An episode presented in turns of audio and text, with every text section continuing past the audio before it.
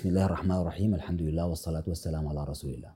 مرحبا بكم كل المتابعين في سلسلتنا نحو تدبر جديد مع الأستاذ الباحث الأستاذ ياسر العردقاوي مرحبا بك أستاذ ياسر. عليكم السلام ورحمة الله تعالى وبركاته. أستاذ ياسر ونحن في حلقات النتائج الحلقات الحوارية. استعرضنا من أهم المشاريع الفكرية عند أستاذ ياسر في التدبر القرآني هو مشروع التقويم. وعبرنا فيه آه، نلتقط أنه أثناء الحوار في التقويم كانت هناك إشارة لثبات التقويم وشهر رمضان وتثبيته داخل التقويم.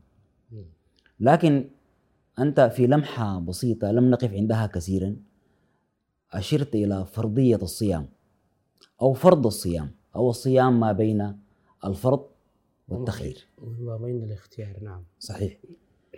فتدارسنا أن نفرد لهذه المقولة لأنها مقولة عظيمة جزء من هذه السلسلة لنتناقش في التدبر في هذه النتيجة. رمضان ما بين الفرض والاختيار. هذا هو الملمح الرئيسي لهذه الحلقة. مرحبا بك ولتتفضل أستاذي. آه، طيب بسم الله الرحمن الرحيم. اللهم أدخلني مدخل صدق وأخرجني مخرج صدق واجعل لي من لدنك سلطانا نصيرا. في الحقيقة قضية رمضان أو قضية الصيام ما بين الخيار وما بين الإلزام أو ما بين الفرض وما بين التخيير. هي من القضايا الكبيرة. هي ما ما من مشاريع الرئيسية طبعا. بالنسبة لي ما مشروع رئيسي عشان أنا أسس لها. لكن في نفس المقابل هي القضية التي يعني جعلتني في مواجهة الناس. يعني هي نقلتني من أنك تتدبر لنفسك ولروحك وطلعتك للناس. م. وهي اللي بسببها أنا تعرضت للمضايقات والمشاكل على مستوى المجتمع الصغير. المجتمع الصغير اللي أنا عايش فيه أو على مستوى القبيلة يعني قبيلتنا المناصير. يعني القضية اللي عرفتني للناس على أنه زول متمرد فكريا وبيتكلم في الدين. هو, هو الرجل ده إمام جامع. طبعا. ويتكلم في بسبب. بسبب هذه القضية اللي هو أنا شالوني من إمامة المسجد الجامع شالوني من المدرسة الثانوية وشالوني من آه، لجنة الزكاة وشالوني من اللجنة الشعبية. بسبب القضية هي دي لا معلش أستاذ ياسر يعني أنت آه، عشان نحن نكون كلنا في دائرة الضوء. نحن بنتكلم عن أركان حسب المفهوم. عند كل المسلمين إنه أركان الإسلام خمس رمضان أحد منها. إذا إحنا حنتكلم في مشروع إنه رمضان الصيام وخيار وإنه يكون ما بين الفرض والاختيار يبقى إحنا بنهدم في واحد من أركان الإسلام. عشان كده ما أصلا هو ده العقل الجمعي عامل كده. صحيح. وهو ليه الناس وقفوا ضدك وليه الناس آه، يعني شنوا عليك الهجوم ده؟ لأنه في العقل الجمعي المتوارث القضية لا تعمل لا تقبل القسم على اثنين. باعتبار أنه رمضان تقبل ولا تقبل النقاش حتى. آه، حتى أصلا. صحيح. أنه رمضان ركن من أركان الإسلام وبمجرد أنت بتجي تهبش فيه معناه أنت داير تهدم ركن من الإسلام. نعم. وفي ال- بقول لك يا أخي أنت ذاته ممكن ترعاك منظمات أجنبية وأنت مدسوس على حساب الإسلام وكل يقول ما شاء بما شاء. صحيح. لكن يظل الفيصل هو كتاب الله سبحانه وتعالى وما يحبه مدلولاته عشان أنا أكون أمين القضية أصلا ما بديتها أنا. قضية رمضان ما بين الفدية وما بين الفرض. يعني هل هو ممكن الإنسان الصحيح السليم يدفع الفدية؟ القضية دي ما بديتها أنا بالمناسبة. يعني يمكن أكثر شخص اسس ليها هو الراحل الدكتور محمد شحرور. حق. محمد شحرور ال- القضية دي. طيب. أول من أشار لها.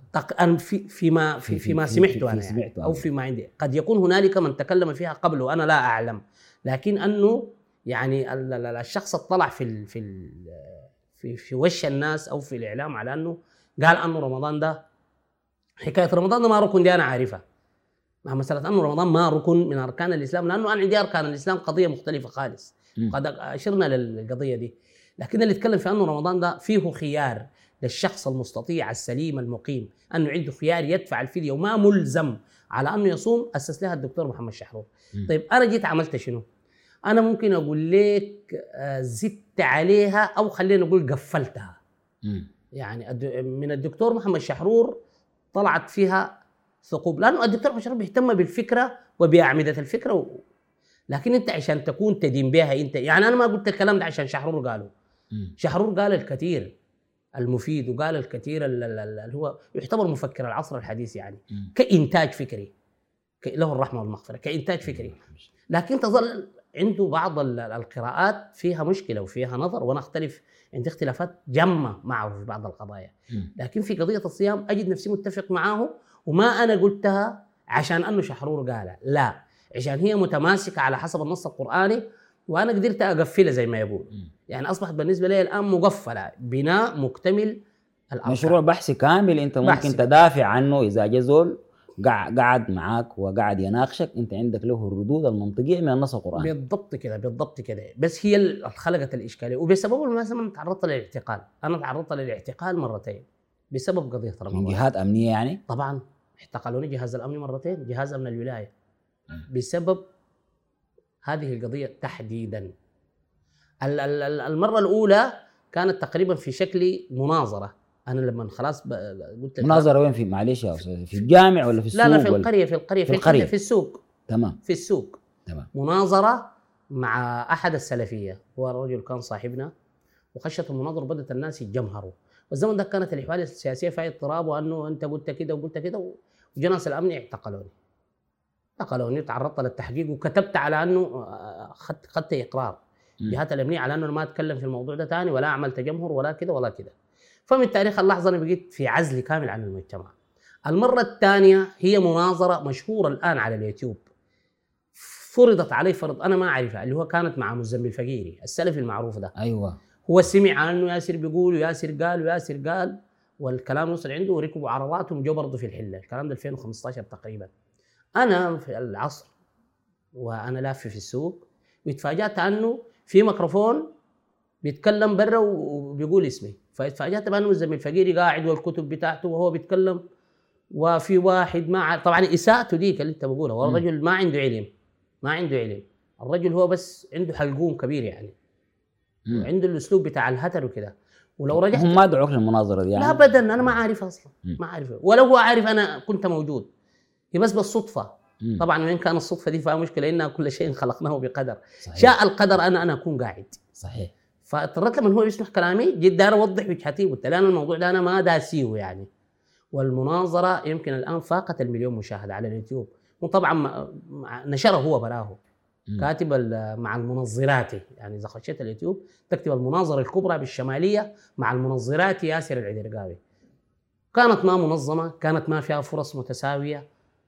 هو محتكر بيديك الفرصة عشان يجي هاتر معك. المهم الموضوع ده ما علينا. قضية رمضان هي اللي خلتني في احتكاك. أول خلت أنا عندي مشكلة مع المجتمع. مع المجتمع صح. مع- مع- من مع- أكبر المشاريع اللي بتهبش العامة. مع المجتمع. دي. دي, دي قضية مهمة. القضية الثانية قبل ما أنا أدخل في التفصيل قضية الصيام ذاتها في قضية مهمة جدا. مم. في البناء الفكري أو في البحوث الفكرية لا بد أنه الفكرة عشان هي تزول عشان تكون فكرة ما معتبرة أو ما عندها قيمة المفترض تضرب في الأعمدة بتاعتها. ما تضرب في الهوامش. يعني أنت عندك بحث فكري. أول حاجة بتثبت شنو؟ الأعمدة, الأعمدة. الرئيسية. صحيح. وبتبدأ بتقفل عليها. صحيح. أحيانا بتكون الأعمدة ثابتة لكن في الأطراف وفي حواشي الفكرة بتظل بعض شنو؟ النواقص أو بعض أو- النواقص بعض الفجوات. صحيح. هذا لا يعني أنه مثلا إذا سألتني في القضية دي سؤال هامشي وأنا ما لقيت عندي إجابة منطقية معناها الفكرة انهارت من لا, أساس لا هذا لا يهزم الفكرة الرئيسيه لا يهزم الفكر إلا يتضرب العمود. صحيح. والحكاية دي أسس لها الكاتب آه، أخونا الأستاذ الكاتب السياسي الحاج وراق آه أستاذ الحاج ربنا يمتعه بالصحه والعافية. الرجل طبعا لبق جدا. كان عنده كتاب اسمه معارك. فكرية بيني وبين الإسلاميين. الإسلاميين طبعا بيقصد هو ال- ال- الكيان السياسي. وكان عنده مساجلات مع إسحاق فضل الله طبعا الكاتب السوداني المعروف. إسحاق أحمد فضل الله. إسحاق أحمد فضل الله. فعجبتني العبارة دي. هو بيرد على إسحاق فضل الله بيقول له قال له المعارك الفكرية تختلف عن المعارك العسكرية. معنى كلامه يعني. مم. أنه في المعارك العسكرية يقتضي ضرب العدو في في اضعف الهوامش. تحصيناته صحيح. ودفعاته لإحداث فرجة تتسلل منها إلى داخل أرضه. صحيح. وتحدث البلبلة. قال له أما في المعارك الفكرية فيقتضي ضرب المخالف في أقوى حججه وبراهينه وإلا سيعد انتصارا زائف. الكلام ده لخص القضية دي كلها في الصراع الفكري. وبالتالي أي زول أنت لما تطرح فكرة يمسك لك في الهوامش تأكد انه الزول ده ما عنده علم. وما عاوز يفكر. اطلاقا. هو إذا عنده فكر أو عنده علم بيمشي على الأعمدة الرئيسية لفكرتك بالضبط كده. يعني هسه أنت لو ذهبت للمناظرة حتلقى متزمل فقير يقول لك أنت قريت الآية غلط. يعني ممكن يعدي له ربع ساعة يقول لك امشي اقرأ القرآن بعدين تعال فسر. قلت له خلاص أنت اقرأ صحيح أنا أفسر لك. المشكلة شنو يعني؟ وبيمسك لك في حاجات في الهوامش. ما بدق العمود الفقري بتاع الفكرة ذاتها. كده وضحت الفكرة تمام. طيب. ده, آه ده, ده فيما يخص المناظره الشهيرة أيوه دي مقدمة عن. قضية الرمضان دي صحيح. لأنها هي معروفة وكثير من الناس بيشيروا عليها على أنه المفترض ما ابثها في اليوتيوب مم. أنا طبعا برضو سجلت فيها زي كم 50 حلقة في قناتي في اليوتيوب مم. لكن ما في حاجة نحن عندنا داسينها هذا ما أدين به لله إلى هذه اللحظة وما ومتى ما توفر الدليل والبرهان فالإنسان يجب أن يكون ابن الدليل يعني صحيح وده طبعا يا أستاذ ياسر يمكن دي واحدة من المسببات قامت عليها هذه السلسلة من حلقات الفردية في المشروع الأولي وتم استكمالها في الحلقات الحوارية. هي المشهد الرئيسي في هذه السلسلة هو ليس المناظرة وليس آه، الحكم على مشروع فكري كان لأستاذ ياسر أو لغيره. آه، ال- الأصل في المشهد العام هو عرض المنتوج الفكري لأستاذ ياسر. بالضبط كده. هو استنطاق أستاذ ياسر. يعني حتى وإذا في رأي مخالف اللي يجي يقارع أستاذ ياسر بالحجة؟ بالضبط ده وها أو يعني وأنا حبيت بس أقول إنه ده المفهوم العام لهذه الحلقة. بالضبط كده. نحن جاهزين نناقش ونعرض بالتي هي أحسن وجادلهم بالتي هي هي أحسن. أحسن. طالما انه الجدال بالتي هي أحسن والجدال بالتي أحسن ما ممنوع. الممنوع انه المراء من أجل الكسب النفسي ومن أجل الشو من أجل كده. لكن أنت الحجة بالحجة. دي ملة إبراهيم اللي اسس لها. والتدبر في النص القرآني مشاع للجميع. حق لكل أصحاب اللسانات صحيح. بالضبط كده. إذا ندلف إلى رمضان ما بين الفرض والاختيار. طيب. بداية في القضية دي نحن حنستخدم المناهج المنهجية والمعايير اللي نحن شغالين بها اللي هو اللي أسسنا لها في الحلقات الفردية. في الحلقات الفردية. يعني ما حنجيب أدوات من من من رأسنا. وكون النتائج دي كانت كده ده ما معناها في ذكاء أكثر من السابقين. والله أو, أو أنت أذكى يعني. اللي هو زي ما يقول وإن كنت الوحيد زمانه لآتي بما لم تستصحه الأوائل. الأوائل. المسألة هي مقدمات ونتائج. نحن توصلنا لمقدمات لم تكن عند السابقين. خلت منها المنظومة الفقهية وخلت منها منظومة التفاسير. بس يعني فالمفترض أنت تحاكم المقدمات. المقدمات منها ما هو يقيني. من مسألة نفي التطابق دي. وحتخش لنا لو تلاحظ القضية بتاعت نفي التطابق دي بتدخل في أي في أي مشروع. في أي خمسة دقائق أنا بتكلم فيها نفي التطابق ده بيكون حاضر. هو أحد. الأعمدة سلام بالضبط أحد. الأعمدة. بأحد الأعمدة. صحيح. طيب بداية كتب عليكم فسرت على أنها فرض عليكم. ده بسم الله الرحمن الرحيم يعني. فربنا قال كتب كتب عليكم عليكم. بالبناء للمجهول كمان. الكتب ذاته منه ما تقول لي كتب الله. ربنا ما يكتب ما يجيب بمجي المجهول. كتب عليكم.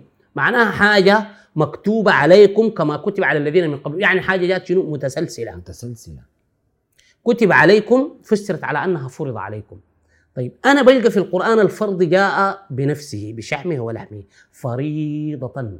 الحج أشهر معلومات فمن فرض. فيهن الحج. إنما الصدقات للفقراء والمساكين والعاملين عليها إلى نهاية الآيات. قال شنو؟ قال فريضة من الله. وفي الأحكام الطلاق والزواج يقول لك فرض فرضتم فريضة. يلا ده الفرض. ب- بلفظ الفرض. بلفظ بلفظ الفرض ذاته. فما في داعي أنت كتب دي قول لي معناها فرض عليكم. فنحن دارين نحاكم كلمة كتب هي مركب لفظي. المركب لفظي ده تكرر اتكرر نحن بنجيب جميع التراكيب أو الآيات التي اشترك فيها المركب اللفظي ده. عشان كتب نعرف عليكم. كتب عليكم وردت أربع مرات. غير في رمضان ورد ثلاث مرات ثلاث مرات ثانية. فطالما انه المركب ده مشترك يصبح كضرورة منطقية يعني. أن المنتوج المفهوم الناتج من كتب عليكم لابد أن يكون متسق على اتجاه واحد. يعني ما ممكن كتب عليكم واحدة فرض وكتب عليكم واحدة خيار وكتب عليكم واحدة ما معروفة شنو وكتب عليكم الثاني ما إلزامية. لا. دي أهم قاعدة. طيب. اللي أستاذ ياسر كتب عليكم ذكرت في النص القرآني أربع مرات. نعم. فيها واحدة لرمضان وثلاثة ثلاثة قضايا ثانية أخرى. اذا إحنا أدركنا الوقت. سنبدأ الحلقة القادمة باستعراض المواضع الأربعة التي تم ذكر فيها كتب, كتب عليكم. نتمنى لكم المشاهدة الطيبة والممتعة. هذا يا أستاذ ياسر العردقاوي يريد أن يقول شيئا عجيب. حتى جديد اللقاء. نتمنى لكم متابعة طيبة.